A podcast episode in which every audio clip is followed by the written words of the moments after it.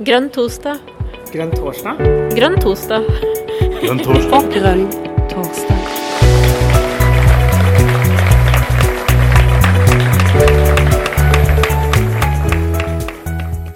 Velkommen til Grønn torsdag.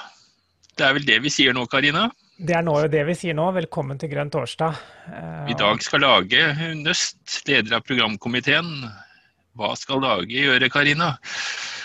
Ja, Han skal jo presentere dette førsteutkastet til nytt program. da, og Jeg er jo kjempespent på, på hvordan det blir. Eh, det Lage, ordet er ditt. Tusen takk. Eh, ok, takk for invitasjonen. Veldig hyggelig å være her. Dette er jo litt sånn her mile, milepæl for oss å endelig kunne liksom presentere noe ekte. Og, og være litt mer konkrete, istedenfor bare å si takk for innspill. Så kan vi si sånn Ja, nei, men vi mener det, og uh, så kan vi krangle litt. Uh, det er jo det politikk handler om. Å krangle. Nei da. Um, vi har uh, lagd en liten presentasjon her som først går gjennom hvordan vi har jobba i komiteen. Og så skal jeg si litt om hva som er hovedgrepa i førsteutkastet. Og så skal jeg si litt om hva som er nytt i førsteutkastet. Eh, fordi det kan være vanskelig å orientere seg i det sammenligna med det forrige og sånn. Så jeg, skal, jeg kommer ikke til å si alt som er nytt, men jeg kommer til å trekke fram noen av de viktigste nyvinningene i dette utkastet. Og så skal jeg si litt om hva som er kontroversielt. eh, hva som er betent, og der komiteen er uenig eller ikke vet hva vi mener. Og så skal jeg si litt om hvordan dere går fram for å gi formelle svar, høringssvar i den høringsrunden som vi har nå frem til 14.9. Så det var en liten disposisjon. Start med komiteens arbeid. Eh, Her er et bilde av nesten hele programkomiteen fra 2019. Det er det eneste bildet vi har av oss, eh, fordi at eh, vi var aldri fulltallige på møtene etterpå, så plutselig kom korona, så slutta vi å ha møte. eh, Der det var anledning til å ta bilde, men, det ble et fint bilde til gjengjeld. Hvordan har vi jobba?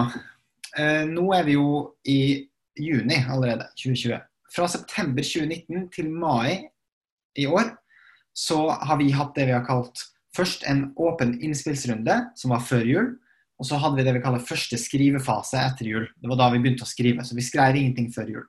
Før jul hadde vi en medlemsundersøkelse der vi eh, sendte ut bredt til alle medlemmene og sympatisørene til De Grønne som vi har eh, registrert eh, via nettsidene våre.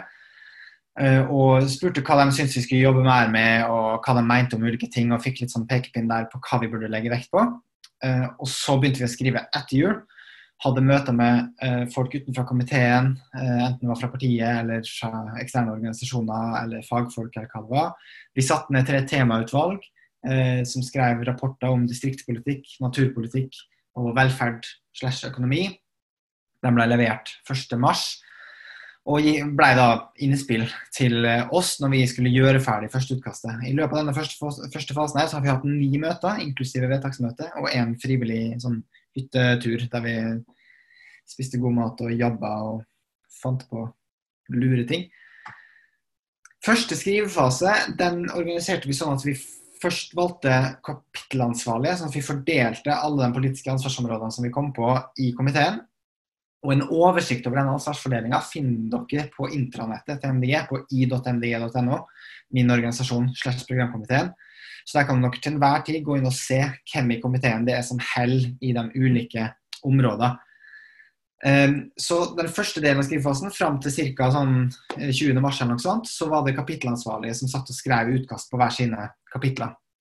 Og så, eh, fordi at vi så at vi trengte en litt mer sånn effektiv arbeidsform inn mot slutten, satte vi ned en liten gruppe på fem programkomitémedlemmer, som var den såkalte sluttføringsgruppa fra april til vedtaksmøtet i mai. Der eh, det var bare fem stykk som fikk lov til å redigere i liksom, masterdokumentet vi lagde.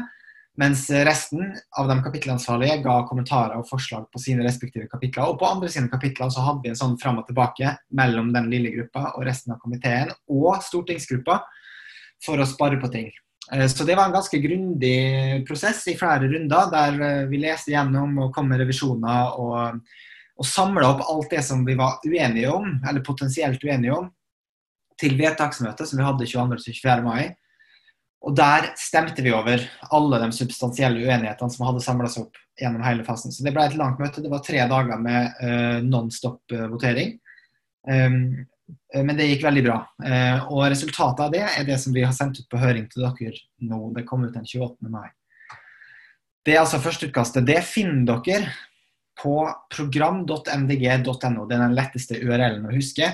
Der kan dere også gå inn og trykke tommel opp og tommel ned på hvert eneste punkt i hele utkastet. Og dere kan kommentere og diskutere hvert punkt, hvert avsnitt i hele utkastet med hverandre. Det er en veldig kul ressurs. Eh, Det er ikke den formelle høringskanalen. Det er mdg.no slash programutspill. Der er det et skjema. Så hvis dere skal sende inn et formelt høringssvar fra lokallaget eller med minst fem medlemmer, så må dere gå inn og gjøre det på det skjemaet. Ikke bruk program.no til det.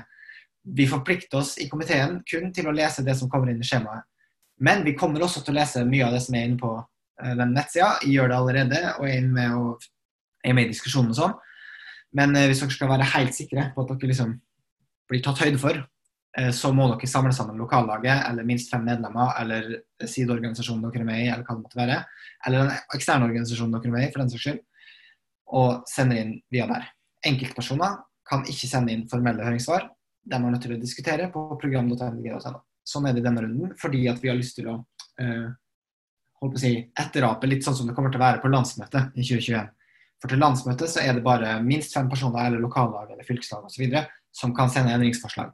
Så Sånn blir det også i høringsrunden for at vi skal få i gang den prosessen så fort som mulig. Jeg skal komme litt tilbake til det etterpå. Fristen er 14.9. Det og det er altså før 14.9. Så når det er 14.9, så er det i utgangspunktet for seint. Gjør det før 14.9. Og gjerne allerede nå. Det skjemaet tar imot svar allerede. Ok. Så politikken. Det er det gøyeste. Hovedgrep i det nye programutkastet. Hva er liksom eh, overskriftene i stort? Satsingsområdene. Det dere vil merke i dette programutkastet, er at naturpolitikken har blitt skjerpa. Det er en revolusjonerende naturpolitikk sammenlignet med det som føres i Norge i dag, og også enda litt strammere enn det vi har i dagens program i MDG. Eh, vi skal komme litt tilbake til detaljene i det, men det handler i sum om å slutte å ødelegge naturen. Og at det skal bli eh, dyrt å ødelegge naturen, og mye vanskeligere å ødelegge naturen enn det er i dag. Enda raskere klimakutt er et annet hovedgrep. Vi øker ambisjonene i klimapolitikken både for Norge med eh, enorme mengder, men også for MDG. Og det vil kanskje overraske noen at, at MDG kan bli liksom enda mer radikale i klimapolitikken. Jeg skal komme litt tilbake til detaljene i det etterpå, og hvorfor. Så er det andre hovedsatsinga. Sirkulær økonomi, bedre omfordeling. Det er liksom overskriftene i økonomibiten. Eh, Vi skal få ressursstrømmene inn i den her famøse smultringsmodellen, sånn at vi ikke eh, tærer på livsgrunnlaget når vi eh, innretter den økonomiske politikken. Og vi må ha bedre omfordeling for å eh, motarbeide den ulikheten som vokser, og alt det fører med seg av uro og urettferdighet og i det hele tatt. Så det tror vi er bra også for eh, miljøpolitikken, at, eh, at dem som har minst, eh, ikke føler at det går utover dem, men at det er dem som har mest og bruker mest, som tar mest av børa. Det er riktig. Næringspolitikken, er, det var en av de tingene vi fikk innspill fra i den medlemsundersøkelsen om at vi måtte satse mer på. og Det gir kanskje mening, gitt eh, ambisjonen om å fase ut oljeindustrien. Så det har vi gjort. Eh, Kollektivtrafikk og grønn transport, som alltid, veldig viktig fanesak for de grønne. Eh, Få en mobilitet som er bærekraftig. Selvforsyning i landbruket og matproduksjonen generelt, og lavere kjøttforbruk og hvordan det henger sammen, en viktig satsing i dette programmet. Og så er det på utenriksfeltet, og for så vidt også innenriks, FNs bærekraftsmål går som en grønn tråd gjennom hele prosjektet vårt. For det er veldig i tråd med det vi står for i mye av det. Så det også blir en hovedsatsing i dette programmet, sånn som det er lagt opp nå. Og så I tillegg til disse hovedgrepene så har vi selvfølgelig lagd god politikk på alle politikkområder. Det er programkomiteens privilegium å kunne holde på å si, satse like mye på alt. Men dette her er kanskje liksom hvis man skal oppsummere programmet, så er det dette tror jeg som ville bli overskrifta. Eh, hvorfor er vi annerledes enn de andre? Ikke sant? Da handler det om dette. Ok, hva er nytt i dette programutkastet sammenlignet med det forrige? Det er selvfølgelig mye som er nytt på detaljnivå i alle kapitlene. Um, men hovedtrekk, hovedlinjer, linjeskift, hvor har vi gjort endringer? Klima og natur. Vi var litt inne på det i stad. Revolusjonerende naturpolitikk. Vi har lagt inn mål om naturnøytralitet og naturpositivitet. Det betyr at naturens tilstand og utbredelse skal bli bedre i Norge i løpet av de neste tiåra. Vi har satt et mål om 20% mer slash forbedra natur innen 2050. Og Det målet det er basert på eh, utkastet til en ny global naturavtale, den såkalte Kunming-avtalen, som eh, verdens land nå driver og eh, forhandler om. Eh, så det blir jo det, det, er jo interessant å se hva som blir utfallet av den forhandlingene også, og om vi i så fall skal justere våre målsetninger i tråd med det. Men eh, ambisjonen her er i hvert fall å, at Norge skal eh, fort rette seg etter det som blir ambisjonsnivået i den avtalen. Eh, eller gå lenger, hvis vi føler det trengs. Det betyr full stans i nedbygging av natur, og at alle nye inngrep må eh, ha særskilt tillatelse og eventuelt kompenseres. Eh, hvis dere kjenner til begrepet rewilding, jeg vet ikke hva som er et bra liksom, norsk ord, forvilling av naturen. at man gjeninnfører arter som har gått tapt, at man restaurerer natur som har blitt forringa Eh, og rett og slett gir naturen mer plass. Eh, det er eh, det som er det revolusjonerende i dette programutkastet. Det har vært mye snakk om det i MDG allerede, men nå får vi det liksom ned på papiret med noen ganske ambisiøse, hårete mål, vil noen si. Dere har sikkert allerede lagt merke til debatten om hyttefelt. Den kom jo i kjølvannet av dette. Hytteforslaget er en direkte konsekvens av dette forslaget. Eh, for eh, hvis man skal ha mer natur, så betyr det at man må ha mindre inngrep, og da må man starte et sted. Og hvorfor ikke med fritidsboliger? Hvor mange hytter skal vi egentlig ha i dette landet? Når er det nok hytter? Det er liksom eh, spørsmålet som man bør stille, istedenfor å eh, fyre opp med en gang noen snakker om forbud og begrensninger osv. For et forbud mot en, et nytt hyttefelt, det er, det er på en måte et påbud om noe annet. Det er påbud om eh, intakt natur og, og, sammenhengende natur og områder som man kan være i som er eh, ikke holdt på å si, besudla av sikkert arkitektonisk veldig vakre eh, innretninger, eh, men fortsatt eh, inngrep som vel altså hvis, hvis, hele verden er full av hytter, så blir det ikke noe 20% mer natur, kan man si. Og så kan man krangle på det, og det håper vi gjør. Eh, men jeg tror det forslaget er riktig og viktig. Og hvis De Grønne skal flytte debatten om natur, som vi har flytta debatten om klima, så er det sånne type standpunkt vi er nødt til å ta. Eh, så er det på klimabiten. Vi øker klimamålene ganske betydelig. Vi går inn for en 13% reduksjon i norske utslipp i året, ca fram til 2030. Det betyr en 80% reduksjon innen 2030 sammenlignet med det nivået vi er på nå, slash 1990-nivå. Det er omtrent det samme nivået, så det er ikke så farlig. Um, hvorfor så radikalt? Fordi vi tenker at hvis, hvis, hvis alle andre partier har gitt opp på 1,5-gradersmålet eller grensa og 2-gradersmålet, uh, så er det vår jobb å ikke gi opp. Det er fortsatt teknisk mulig å kutte så mye og nå de målene som vi har i Parisavtalen. Politisk er det vanskelig. Sosialt vanskelig. Teknisk mulig. De grønne skal være valget for dem som har lyst til å gjøre det som er mulig for å bremse global oppvarming. Og Derfor går vi inn for å innrette klimapolitikken etter et karbonbudsjett som lar oss nå, hvis, sant, hvis alle hadde gjort tilsvarende i verden, så det er et stort hvis der, men, eh, men Parisavtalen forplikter jo eh, land til å legge seg på det høyest mulige ambisjonsnivået. Og alle land har nødt til å gjøre det for at man skal være i nærheten.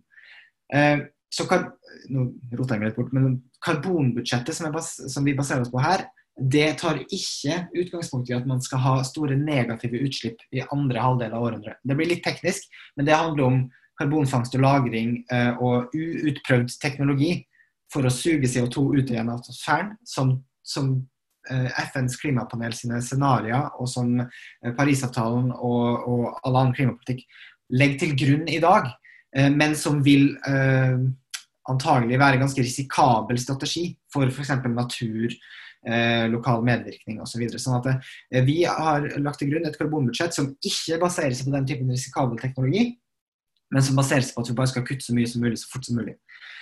En konsekvens av det er oljeutfasing innen 2035.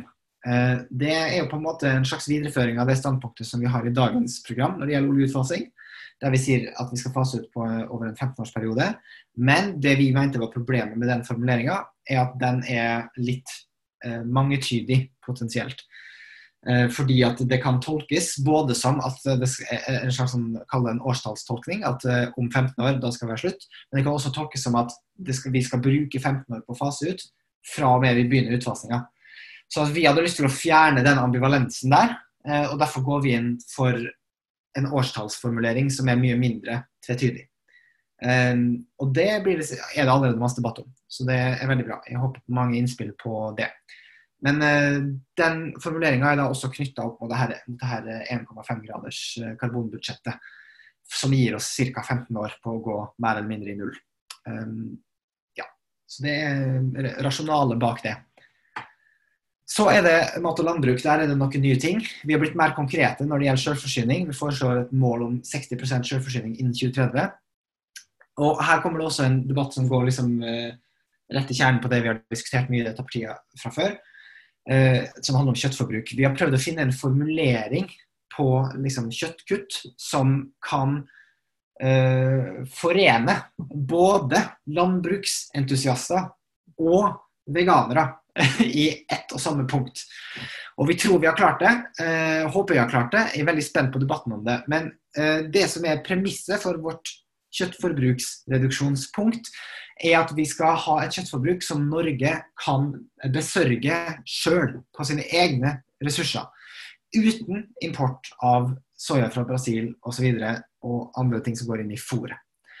Så da er det norsk gress og norske fôrressurser som gjelder. Eh, for at man skal greie det, så er det en bioforskerrapport fra 2014 som har sagt at man trenger ca. 53 eh, reduksjon i kjøttforbruket i Norge. Vi la oss på 50 for å ha et rundere tall. Eh, så, så, så, her får du en ganske, ganske ambisiøs reduksjonsmål. Og merk at det er forbruket det er snakk om her, det er ikke produksjonen men forbruket, altså nordmenns forbruk.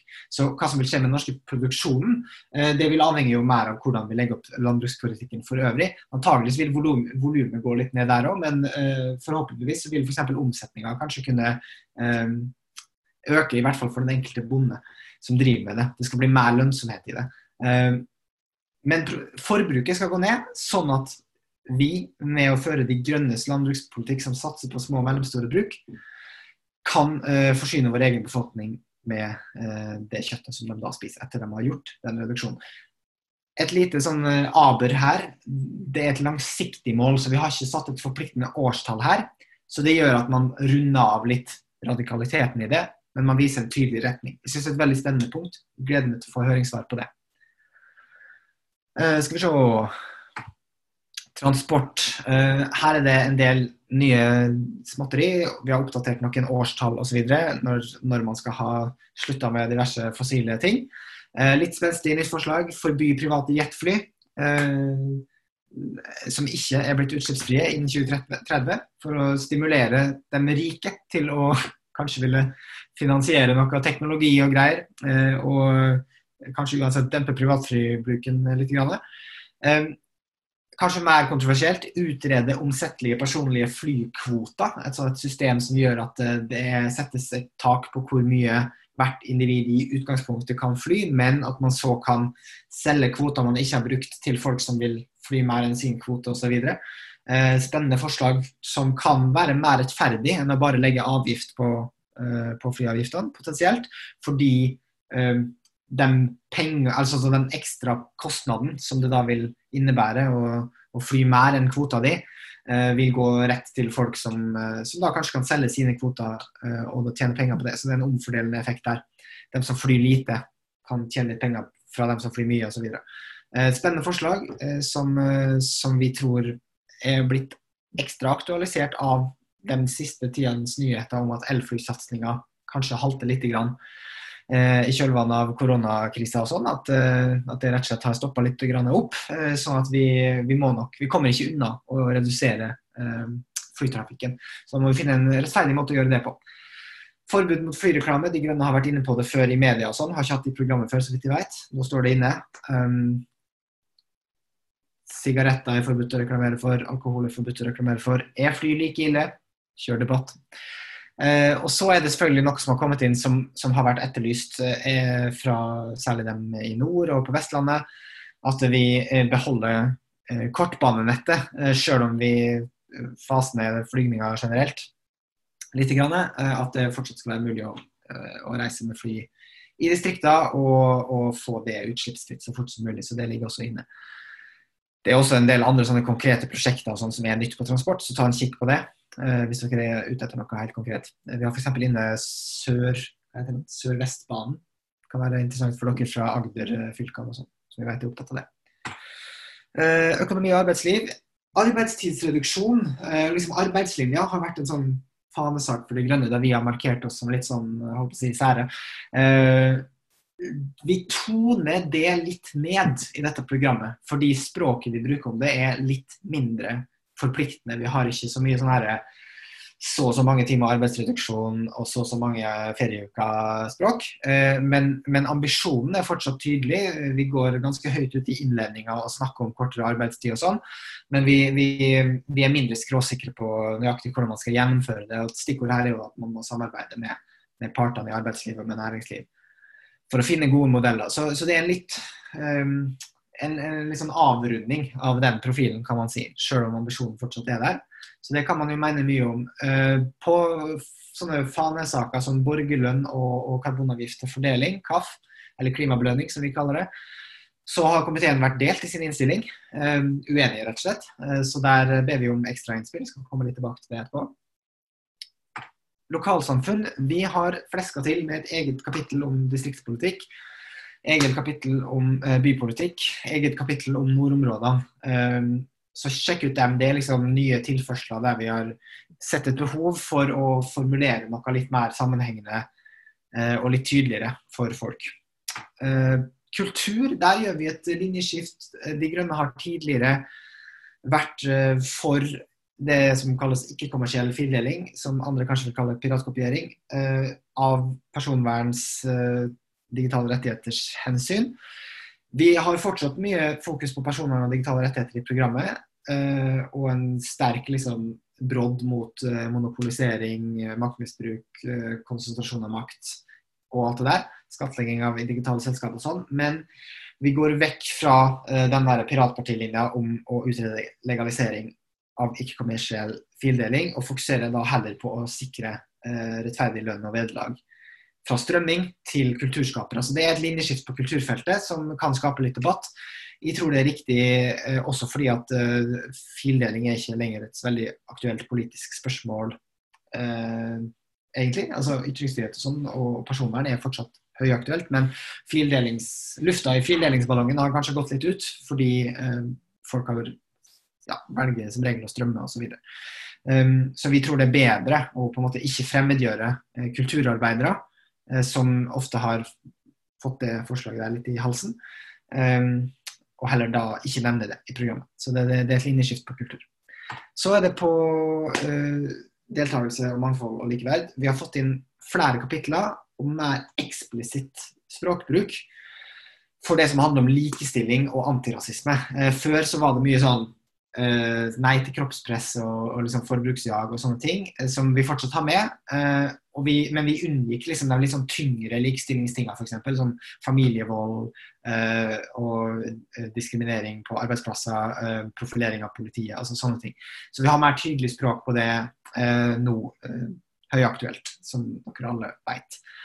Um, demokrati og rettsstat. Uh, vi har en jurist i programkomiteen, så vi har fått uh, flere kapitler om justispolitikk, menneskerettigheter, kriminalomsorg, disse tingene der. Mye mer gjennomarbeida. Sjekk ut det. Um, beredskap, selvfølgelig. Ingen kommer unna det noen dagen uh, etter korona. Men vi hadde også planlagt å skrive mer om beredskap før korona, faktisk. Um, så det er mye mer omfattende kapittel om det. Og særlig det her med medisinproduksjon har kommet inn, selvfølgelig. Og eksistensiell risiko. Altså det, det, er en mye større bredde i hvilke type trusler vi ønsker å orientere oss inn mot. Eh, og rett og slett mer gjennomarbeidet politikk, som sjekket det. forsvarspolitikken. Vi skjerper profilen litt når det gjelder å bygge opp Norges forsvarsevne. Eh, fordi vi ønsker å være mindre ensidig avhengig av Nato. Eh, fortsatt medlem, det er det flertallet for i dette partiet. Eh, det kan man også krangle om, selvfølgelig, men, men det er det. Eh, det viser medlemsundersøkelsen og tidligere avstemninger. Eh, men det er altså et ønske om å ja, rett og slett ikke være like ensidig avhengig av Trumps Amerika. Det tror jeg kan være fornuftig. Så det, det betyr rett og slett litt, det betyr litt mer pengebruk på liksom våpen og kuler og krutt og sånn. Det kan jo være litt trøblete for et parti som har vår historie. Kanskje, kanskje ikke. Så sjekk ut det kapitlet, det er spennende. Det er også et uh, mye mer omfattende kapittel om europapolitikk og EU og EØS. Um, vi sier ingenting om at vi skal bli medlem, eller noe sånt, men, uh, men det, det mener vi at det skal være folkeavstemning om. Uh, men vi har en mer tydelig liksom, ønske om at Norge skal koble seg på den europeiske debatten mye mer og delta i det europeiske fellesskapet. Det tror vi er i tråd med De grønnes internasjonalistiske profil, og også nødvendig for å løse de grenseoverskridende utfordringene som vi sitter midt i akkurat nå. Så det er det som er nytt sånn i hovedtrekk, sånn som jeg har greid å oppsummere det. Så har jeg sikkert glemt noe, for det er et ganske langt program. Jeg tror det er sånn, sånn 30-40 lenger enn det forrige. Noe sånt. Uh, så det er litt å lese, uh, men vi tror det er verdt det. det var tidlig et ønske om å bredde ut politikken til De grønne, og jeg tror hvis man skal breie ut politikken, så må man skrive mer politikk. Så det har vi gjort. OK. Nå har jeg brukt en halvtime. Da skal jeg prøve å frese gjennom dette siste her. Det dette er rett og slett bare for å eh, synliggjøre for dere hvilke saker det er som har vært kontroversielle eh, i komiteen, eventuelt i partiet. Det skal jeg vise dere ved å trekke fram de punktene der vi har hatt enten åpen innstilling eller delt innstilling. Start med åpen innstilling. Åpen innstilling det er punkter der komiteen rett og slett vil ha mer tilbakemelding før vi mener noe. Så der har vi ikke hatt noe votering, ikke hatt noe debatt. Vi ble bare enige om at uh, her må vi høre mer fra partiet. Og jeg skal trekke fram et par av dem. Borgerlund, der er det åpen innstilling. Um, det er eh, en del i komiteen som er skeptiske. Uh, det er en del i partiet som er skeptiske til hvordan man skal gjennomføre det. Um, til om det er egentlig en valgvinner i det hele tatt. Hvilken modell det er mange uavklarte spørsmål der. Samtidig så er det eh, kanskje et punkt som blir mer og mer aktuelt. Eh, Andrew Yang i USA, presidentkandidat, gikk jo til valg på det, eh, og da med henvisning til at eh, jobber automatiseres bort. Eh, alle har sett disse her autokassegreiene i butikken om dagen. Det er en utvikling som er kanskje vanskelig å stoppe. Eh, så hvordan skal man da sikre at folk får til salt på maten? Eh, og så er det kanskje en viktig del av De grønnes liksom, politiske identitet. Vi har jo alltid vært litt sånn skeptiske til her, eh, det her med liksom, at alle skal, skal i en statlig arbeidskvern, for å sette det veldig på spissen. Da. Eh, og da har borgerlønn vært en sånn uh, del av denne motoffensiven. Så, så hvor viktig er det for De grønne? Vi i komiteen er usikre, vi vil ha tilbakemelding på det. Uh, så ta gjerne, uh, ta gjerne temamøte om det i lokallaget deres osv. Hvalfangst, åpen innstilling. Dette punktet var ute i 2017. Vi hadde det inne i 2013. Nå har det gjort si comeback, men ikke med en innstilling. Vi bare lufte stemninga i partiet. Det er et internasjonalt forbud mot det, som Norge står utenfor. Um, dyrevelferdsmessig kanskje uh, gitt uh, måten man harpunerer hvalene på. Um, kanskje det er en nødvendig næring som vi må ha for å holde i hevd kultur og distrikt osv. osv. Diskusjon. Eh, de økologiske konsekvensene. Man kan si ja, kanskje man kan ta dem ut på bærekraftig måte, men kanskje flere hvaler kan være positivt. Hva rimer best med en type sånn rewilding-tenkning? Må vi egentlig drepe alt som vi kan drepe? Dette er store spørsmål som, eh, som vi håper dere tar i lokallaget deres og sender inn høringssvar på. Sexkjøpsloven, gjenvendende debatt i dette partiet. Hvert landsmøte når det skal vedtas program. Derfor har vi rett og slett bare sendt ut alle alternativene vi kunne komme på, uh, og vil ha feedback. Hvilket alternativ har mest støtte på sexkjøpsloven. hvilket alternativ har minst negative konsekvenser for dem som det gjelder. Um, så det er en viktig debatt. Så er det punkter med delt innstilling. Det er ganske mange. Jeg skal bare frese gjennom dem, så dere gjøres obs på det. Uh, det betyr, jeg skal si det, uh, når det er delt innstilling, står det hvor mange av tolv det var 12 i hvor mange var det som, hadde, som tok dissens. Men det betyr ikke at alle dem som ikke tok dissens, stemte for det alternativet. Uh, det var det ikke alltid sånn. Eh, så det er verdt å ha i bakhodet. Men, eh, men, mindretallet er liksom det som er eh, Det blir dissens når et mindretall i komiteen. Ok, Det er mange punkter. Det handler om selvbestemt abort. Bør retten til selvbestemt abort utvides til uke 18? Bør Norge etablere nasjonalparker? må man ha strengere regler for all motorferdsel i norsk natur, også nyttkjøring? Eller skal man bare forby fornøyelseskjøring? Eller, eller regulere det strengere? Um, Bør man bruke mer hjemmekontor i framtida? Uh, bør vi bygge Nord-Norge-banen? Den kan jeg si litt mer om. Det er jo en sånn uh, Den debatten er ganske viktig. Og grunnen til at det er dissens i komiteen om det, er ikke bare liksom, samfunnsøkonomi og, og den vanlige argumenten, det òg. Eh, men det er også det her med den revolusjonære naturpolitikken. ikke sant?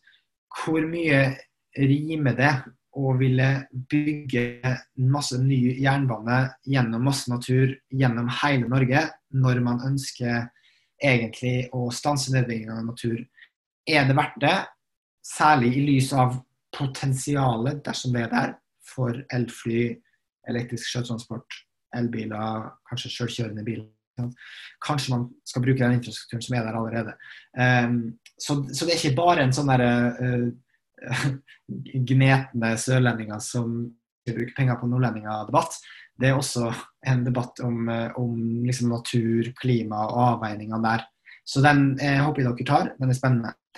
Eh, jeg skal bare legge til at det Flertallet i komiteen går inn for å bygge Nord-Norge-banen. Det er et mindretall som ikke vil gjøre det. Um, Bør det bli forbudt å fly mellom storbyer der det går konkurransedyktige tog? Hvor strenge skal vi egentlig være? Hvor mye pisk og gulrot? Um, bør Norge ha ett selskap med totalansvar for togtilbudet? Hva syns vi om jernbanereformen? Um, bør vi stanse alle veiprosjekter med økt kapasitet, eller bare motorveiprosjekter med økt kapasitet? Eller finne en annen formulering der? Bør det legges en miljøavgift på uh, ting som egentlig kunne ha vært delt og leid ut enkelt for å stimulere til mer utleie og deling? Eller er det nok med de miljøavgiftene på? Ikke sant? Så det, det er en debatt. Og det var bare første sida. kaff, KAF, eh, klimabelønning, karbonavgift og fordeling. Eh, uenighet i komiteen om vi skal gå for det. De Grønne har jo på en måte, vi har gått ganske, ganske langt inn for det så langt i partiet, i statsbudsjetter og eh, i programmer og i det hele tatt. Um, men det er altså skepsis. Det finnes også en skepsis der. Uh, som handler om liksom oppnår det egentlig det man vil. Um, er egentlig skatteviljen og avgiftsviljen så lav i Norge at vi trenger en sånn her eh, utbetaling til alle? Er det egentlig et forslag som er tufta på en sånn amerikansk modell, osv.? Stor debatt. Uh, så er det med skattesystemet. Bør, bør, vi være veldig konkrete om hvor progressive vi skal være? Uh, og det helt konkrete forslaget som ligger inne, er at man sier null på inntekter under 200 000. Eller bør vi være vagere uh, og si bare at vi skal være progressive, og så la stortingsgruppa få litt frihet i, i budsjettenkninga. Um, det er også et forslag om å øke marginalskatten på inntekter over 3 millioner til 90 Det betyr en ganske heftig eh, omfordeling fra dem som tjener mye, til eh, resten. Um, men det er kanskje for kraftig kost, eh, så, så, det kan man ta en debatt om. Den debatten har vært i partiet før, faktisk, i 2013. Da tror jeg det ikke kom inn. Også, så det, det, er noen ting som har gjort litt sånn comeback her. Så er det et konkret forslag om en slags eh, innretning på toll, altså bruke midlene En internasjonal avtale om at rike land skal bruke midlene de tjener på tollbarrierer til matproduksjon i utviklingsland. Eh, det var et forslag som kom inn litt som i siste, liten, som i, i komiteen ikke rakk å tenke så mye på. Så, så, så, derfor stemte man mot, men så ville forslagsstiller ha dissens. Eh, så der går det an å Det må vi jobbe litt med. Um, så er det med det her med arbeidstid. Der er det også dissens. Hvor, hvor konkrete og hvor mye skal eventuelt normalarbeidstida reduseres? Um, debatt. stort om barnetrygd og det her med universelle velferdsordninger. Det ligger inne et forslag om å gradere barnetrygden sånn at husstander med lav inntekt kan få mer. Men da går man jo også vekk fra prinsippet om universelle velferdsytelser, og man åpner kanskje døra for eh, eh, en mer generell sånn type behovsprøvningstenkning. Ønsker vi det? Vil vi stå på det universelle? Eh, viktig debatt. Siste sier jeg nå. Um, forslag om en nasjonal minstenorm for sosialstøtte. Kontantstøtten. Skal vi ha den? Skal vi fjerne den? De Grønne har hatt har vært eh, på en måte aleine, ganske alene om å liksom gå inn for den blant eh, nå holdt jeg på å si sentrum-venstrepartiet, men vi er blokkuavhengige, da. Men blant de partiene som andre kaller. Um, Så uh, skal vi flippe oss der. Uh, venstre ikke bare blant dem på venstresiden. Altså, nå har jo til og med Venstre på borgerlig side har jo gått inn for å fjerne det. til jeg husker. Så um, hvordan stiller vi oss til det? Aktiv dødshjelp, stor uh, verdidebatt der flertallet i komiteen er for å utrede aktiv dødshjelp i Norge. Mens et ganske stort mindretall er skeptiske til det og vil ikke skrive det i programmet. Um, der vil jeg bare oppfordre hvis tar den diskusjonen, eh, hvis dere gjør det, eller når dere gjør det, eh, da må vi ha en respektfull tone osv. For det er vanskelig og mye følelser og, og sånne ting. Det gjelder mange av de andre spørsmålene, men bare det er verdt å ha det i mente. Særlig der. Um, så er det spørsmålet om hvorvidt vi skal ha en nasjonal forslagsrett i Norge, sånn at alle kan få saker behandla på Stortinget hvis de har nok underskrifter. Litt skeptisk i komiteen eh, fordi det kan kanskje sånn vil vi egentlig at Ja til bilen i Oslo skal få lov til å behandle sine forslag på Stortinget? Ja, kanskje vi vil det. ikke sant? Det er en debatt. Ta den. Um, så er det digitalt grenseforsvar eller sånn overvåkning og sånn. Der har vi tidligere vært liksom ganske kategoriske på at nei til liksom E-tjenestens uh, masseovervåkning av digital kommunikasjon for å beskytte rikets sikkerhet. Nå har det kommet inn en litt vagere formulering. Vet ikke. Uh, og så er det også litt sånn viktig spørsmål om hvorvidt Stortinget skal måtte debattere og vedta alle eh, internasjonale militæroperasjoner som Norge eventuelt deltar, i, eller om det er fortsatt regjeringas eh, prerogativ, som det heter. Det er jo vanlig at regjeringa får gjøre utenrikspolitikken, og så informerer de Stortinget gjennom den utvida, uh, utvida forsvars- og utenrikskomiteen eller noe sånt.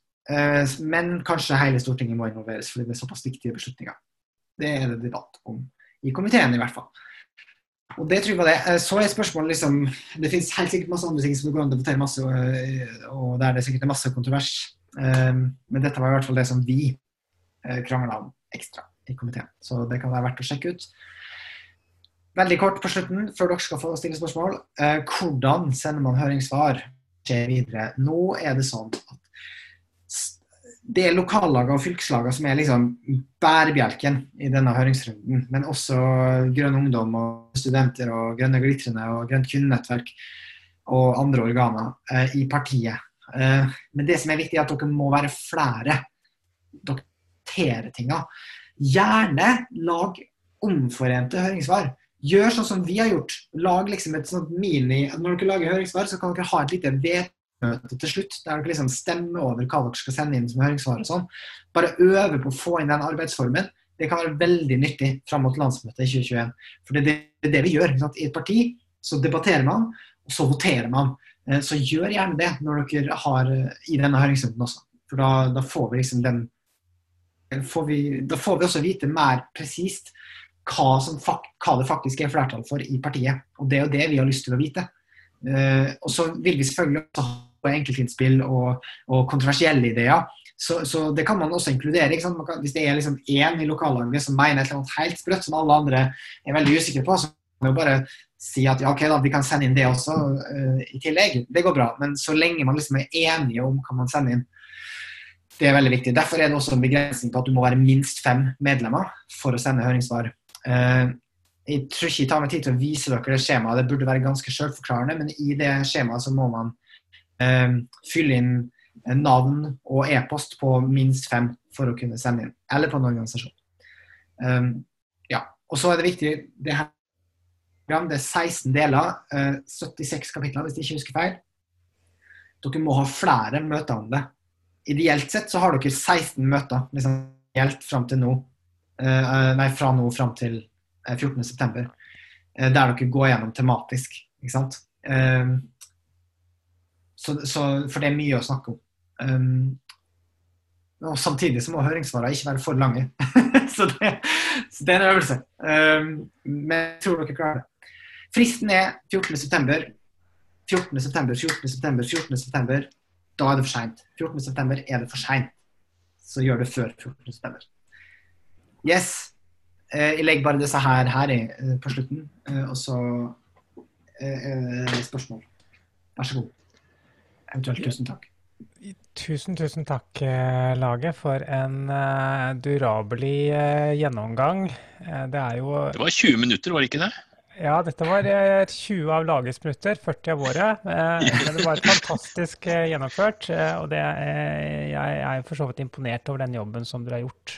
Og en grundig gjennomgang. Men jeg er helt sikker på at det er eh, folk der ute som har spørsmål, og da er det lov å bruke den raise hand-funksjonen. Og jeg ser allerede at eh, Birgitte Sterud har eh, meldt at hun ønsker å ta ordet, og du har ordet, Birgitte.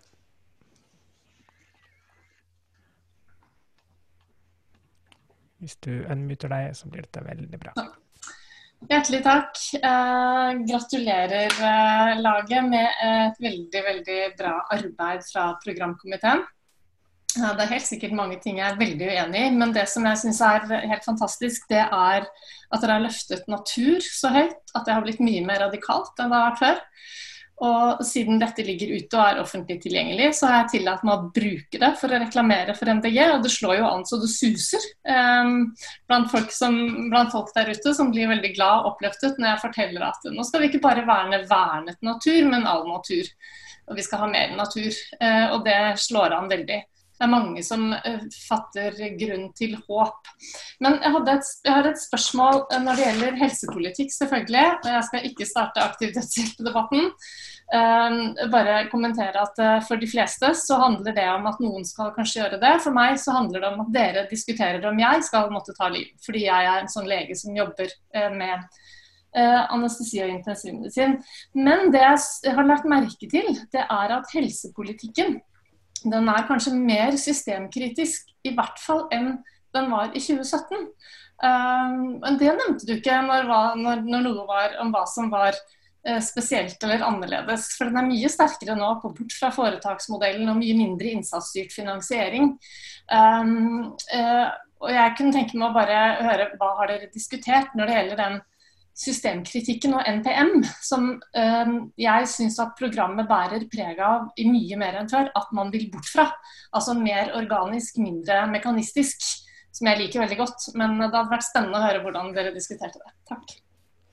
Ja, ja, Laget, du skal få lov til å svare. Å oh, ja, jeg bare tok meg til rette nå. Ja, uh, ja uh, da svarer jeg. Um, uh, nå vet jeg ikke om hva, hva, er Mona eller Anders her? De er ikke det, vet du. ja, i alle fall. vi har faktisk debattert helsepolitikk mye i plenum i programkomiteen. det var Mona Hauglie og Anders Skive Danielsen som fikk ansvar for å skrive det kapitlet. og de gjorde en solid jobb. Ikke, det kan hende at jeg bare ikke er god nok på helsepolitikk, men mitt inntrykk er at linjeskiftet i helsepolitikken er ikke, det er ikke så stort. Vel, altså I dagens program så er vi vel fortsatt ganske kritiske. Altså vi, vi, har den samme profilen i dagens program. Kanskje det er mer konkrete formuleringer her. Det kan hende. Um, men, men, debatten har ikke vært uh, altså Det har vært egentlig ganske skjønn enighet i komiteen helt fra starten om å måte, forfølge den linja. Um, og, så jeg kan ikke si så mye mer det egentlig her og nå. Um, jeg anbefaler å ta en prat med Mona og Anders for de har sikkert diskutert seg imellom, og med det og med andre som har gitt innspill. En liten replikk, Birgitte, men eh, vi ønsker jo da at eh, flest mulig skal få ordet. Mm. Eh, veldig kort, Jeg er veldig glad for den retningen dere har tatt. og Den eh, nærmer seg faktisk mer i 2013-programmet enn det det var i 2017. Eh, og jeg ser at mange av mine forslag fra 2017 faktisk nå er tatt inn i programforslaget nå. Så jeg syns dere har gjort en fantastisk jobb med helseprogrammet. Så det var mer at jeg var nysgjerrig på hvor grunnleggende dere hadde diskutert det i hele, i hele komiteen. Men da skjønner jeg at dere har ikke det, og det er også helt greit. Takk. Tommy Reinås, vær så god. Takk for det, Karina, Jon og laget. Eh, altså jeg har veldig, veldig trua eh, på det her, at det her blir tidenes beste program for det viktigste politiske prosjektet i norsk politikk akkurat nå. Eh, det er bare noe sånn småtteri som jeg har lyst til å få noen sånne eh, tilbakemeldinger på. Eh, også eksempelvis det her med forbud mot private jetfly eh, som ikke er utslippsfrie innen 2030. Det betyr at hvis Trøndelag fylkeskommune kjøper seg et jetfly, Eh, det vil jo være offentlig, så da er det lov da, hvis det ikke er privat. Det må vi få svart, svart på. I forhold til naturnøytralitet, har man gjort seg noen tanker her om eh, uh, altså, Det er jo ikke all natur som har samme verdi. Du har høy økologisk verdi og lav økologisk verdi. og eh, Det kan være altså, det vi er opptatt her i denne sammenhengen, vil jeg jo tro at ikke vi bygger ned habitater og svekker økosystemer. Vi er avhengig av intakt natur. Så, så, der må det ligge inn en slags eh, Det må ligge inn en, en, en, en nyanse der. Eh, det andre eh, i forhold til indirekte utslipp også Vi har lagt opp da, til ambisiøse klimamålsetninger. og Det som vi er kjent med, det er at rammeverket til Parisavtalen det går på direkte utslipp. sånn at Når en nordmann kjøper seg en elbil, så er det nullutslipp. Men det vi vet er at det ikke er nullutslipp. fordi 60-70% av forurensninga skjer ved produksjon av en elbil også.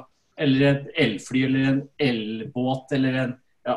Så skal vi være så ambisiøse at vi også tar målsetning av oss å, eh, å ta inn indirekte utslipp som det første land, eh, og gå litt foran. Og til slutt, eh, det her med kjøttforbruk. Vi skal redusere det, vi skal halvere det, men det er ikke satt noe tidsvindu. Og Da må jeg si da som både jeger og fisker man kan jo, man må jo da, man kan, man kan, jo ikke si at man skal redusere forbruket med, av norsk vilt og norsk eh, fisk. Det er jo økologisk og en evigvarende ressurs. Altså hjortevilt, ryper, sjøørret, laks, torsk, sei. Takk. Ja, det var mye å ta tak i. Jeg skal bare eh, veldig kort på det med privat. Hvis kommunen kjøper et fly, så er jo det på en måte under demokratisk kontroll. Eh, det er ikke den typen fly vi er ute etter å, å si, ta. Det er disse det er kaksene som kjøper altså røkker, liksom, som flyr rundt uh, til Davos. Da. det, er dem vi skal ta. De må fly utslippsfritt, eller ta toget. Uh, sorry, Borry. Så er det det med naturverdi. Um, ja, sant. Man kan sette ulik verdi på ulike typer natur. uh, og det detaljene i det altså Når man skal gjennomføre disse ambisjonene, så kommer man nok til å gjøre det. Og ha en sånn type uh, man, man, man, tar ikke liksom kommer alt over en kam. Uh, men samtidig så tror jeg det er ikke, det er ikke bare det handler ikke bare om å verne de områdene som på en måte allerede er liksom fine og flotte i dag, med masse mangfold. Det handler også om å gi naturen arealer til disposisjon som kan bli fine og flotte med masse mangfold igjen. ikke sant? Så, så, så, det er et viktig perspektiv å ha med seg, og det, det er kanskje det nye perspektivet. ikke sant? Uh, jeg husker en historie om Arne Næss som skulle på en sånn campingtur.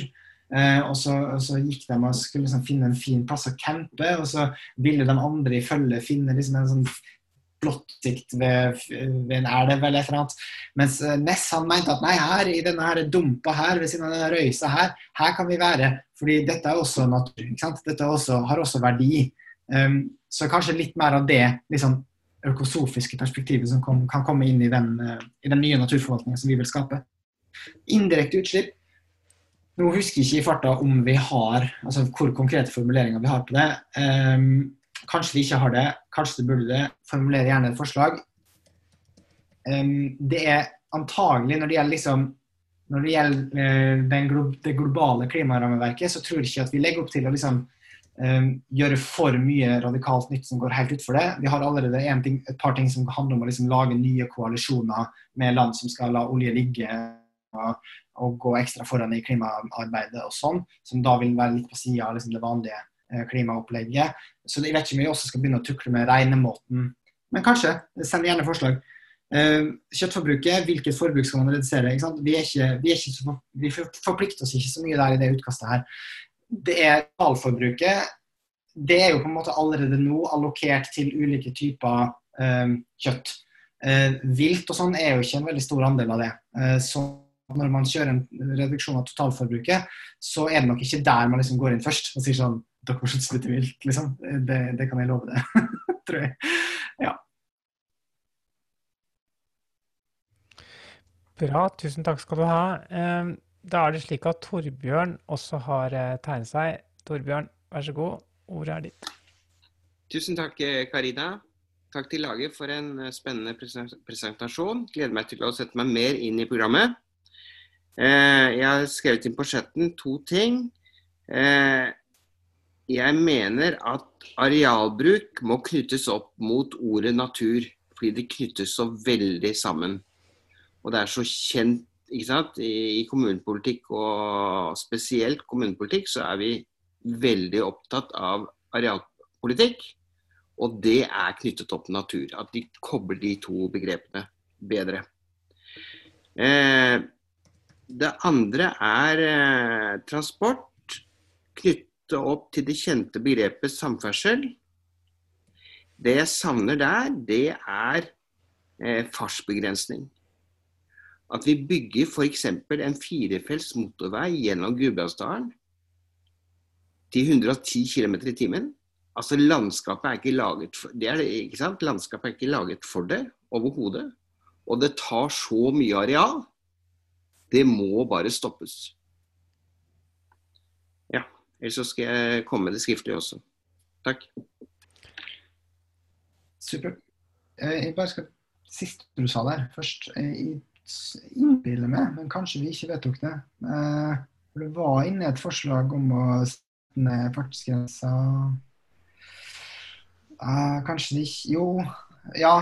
Skal vi se, redusere den generelle hastigheten i tettbygde strøk til 40 km 30 i byområder. Vi trodde vi hadde et om motorveier.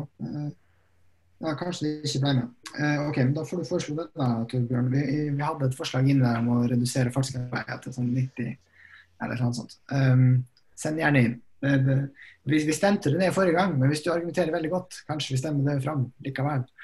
Um, og det siste var å knytte arealbruk opp mot natur. Jeg innbiller meg at vi gjør det, uh, men kanskje vi ikke gjør det godt nok. I så fall ser jeg fram til konkrete endringsforslag. det altså, var det. Ja, uh, vil du si noe, Jon? Ja, hvis jeg får lov? Ja. ja. jeg bare var, var, var lagerklar. Ja. Eh, jeg likte veldig godt uh, hovedmålsettinga om å fortsette å være At vi skal fortsatt være det ledende partiet, eh, Norges mest spennende politiske verksted. og Da må vi jo stå på, og så får vi se hvor, hvor vi ender opp hen. Eh, jeg eh, lurer litt på, i arbeidet deres, har dere på de forslagene som kommer fram, i det hele tatt tenkt økonomiske konsekvenser? Har det vært noe dere faktisk har tatt på alvor. For det, vi har jo hatt resolusjoner på landsmøtet og, og vedtatt ting som ikke var gunstig for vårt alternative eh, budsjett. Eh, er det vært, har det ting som faktisk har blitt stoppa, som burde vært god politikk, eh, men som har vært en økonomisk vurdering at nei, dette kan vi ikke gi oss inn på. Har dere gått så langt inn i de aktuelle forslagene?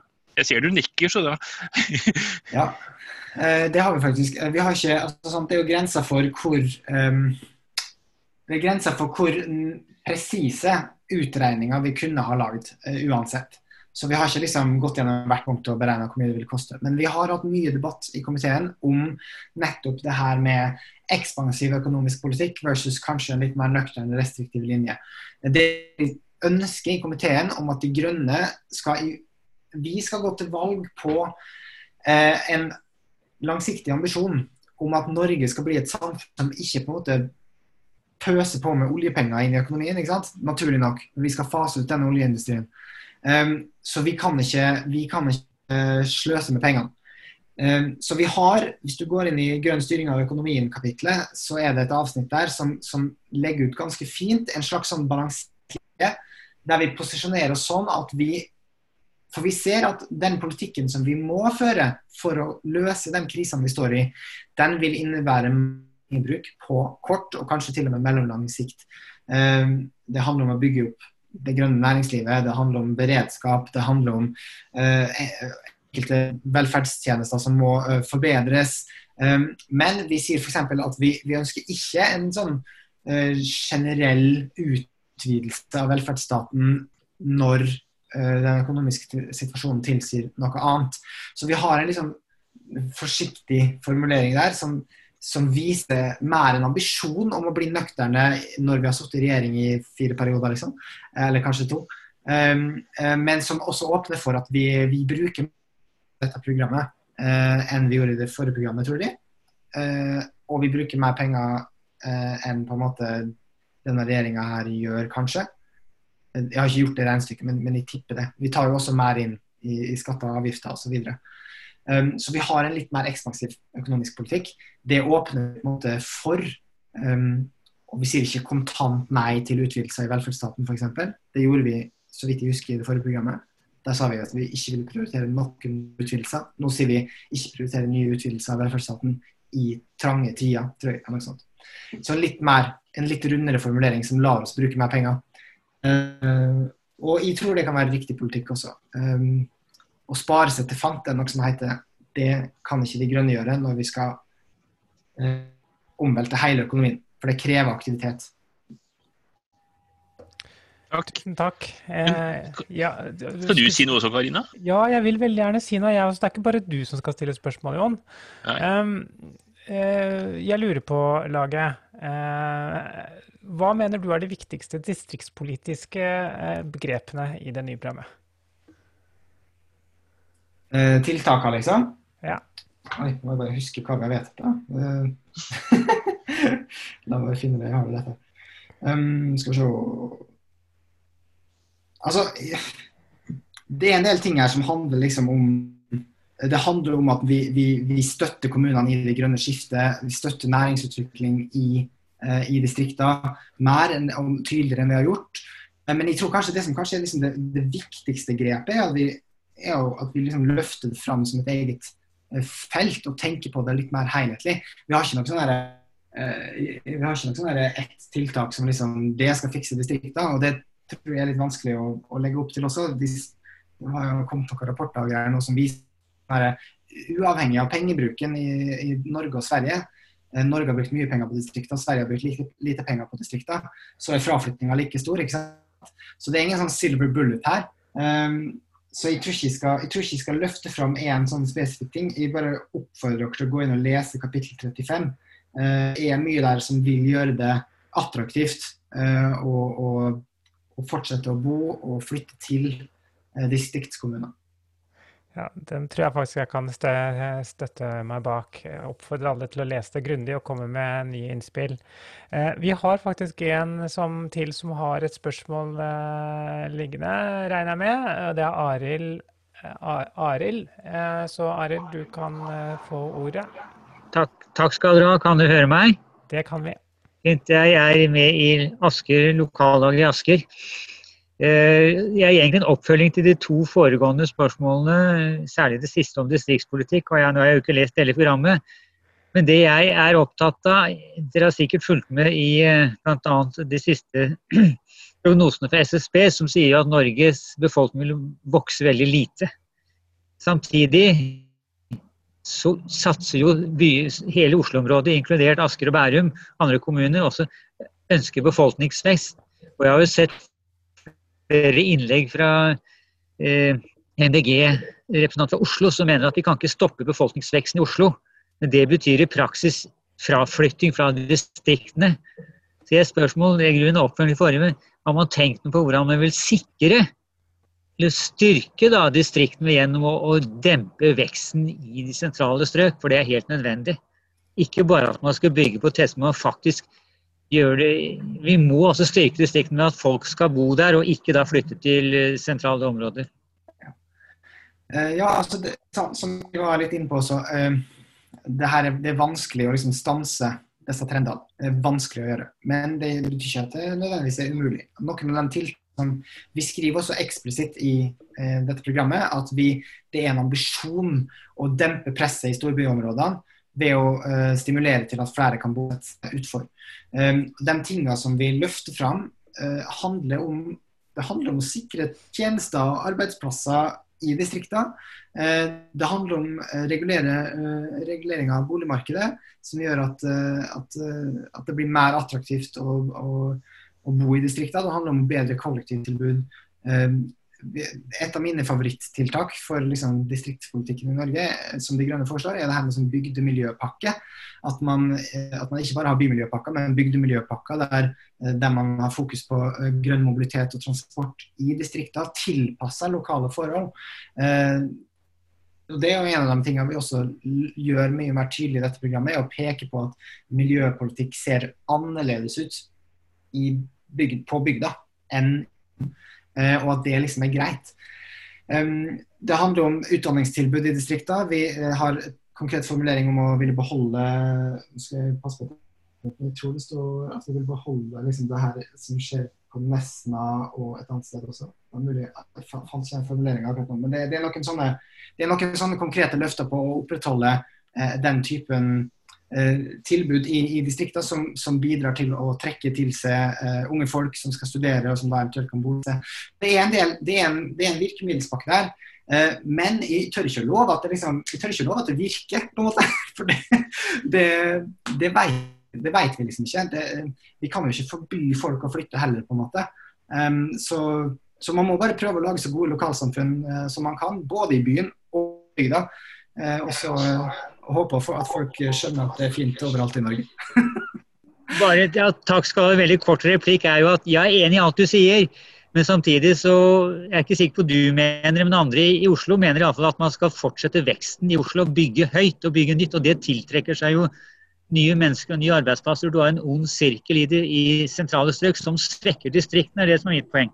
Så ved å også dempe, aktivt dempe veksten i, i de sentrale vi skriver ingenting konkret i programmet om å, liksom, om å dempe veksten i byene. Uh, vi skriver at vi ikke vil ha noe byspredning og sånn, da. Det kanskje blir en slags naturlig demper på det. At du må, du må liksom bygge i høyden og langs kollektivknutepunkter og sånn, og da er det begrensa hvor mye du kan bygge og sånn. Så, men jeg tror ikke Ja, send inn et innspill på det hvis du, en, hvis du har en lur formulering. Takk skal du ha. Takk. Jeg kan jo nevne at, at dette temautvalget for distriktspolitikk de var jo faktisk inne på noen av de punktene som, som Arild tok opp her. Så, så det, det, står jo noe i underlagsdokumentene som programkomiteen har jobbet med, i hvert fall. Men vi tok ikke inn alle forslagene deres. ja. det, Men nå, det er observert. ja, nå Karina, nå må vi runde av, for nå har Dage brukt sine 20 minutter. De ble 64. Ja. Jeg ser at eh, noen forsøker å tegne seg, men eh, vi kan ikke la dette gå lenger nå, dessverre. Vi, vi har en streng tidsramme på grunn torsdag. Så veldig hyggelig at alle var med.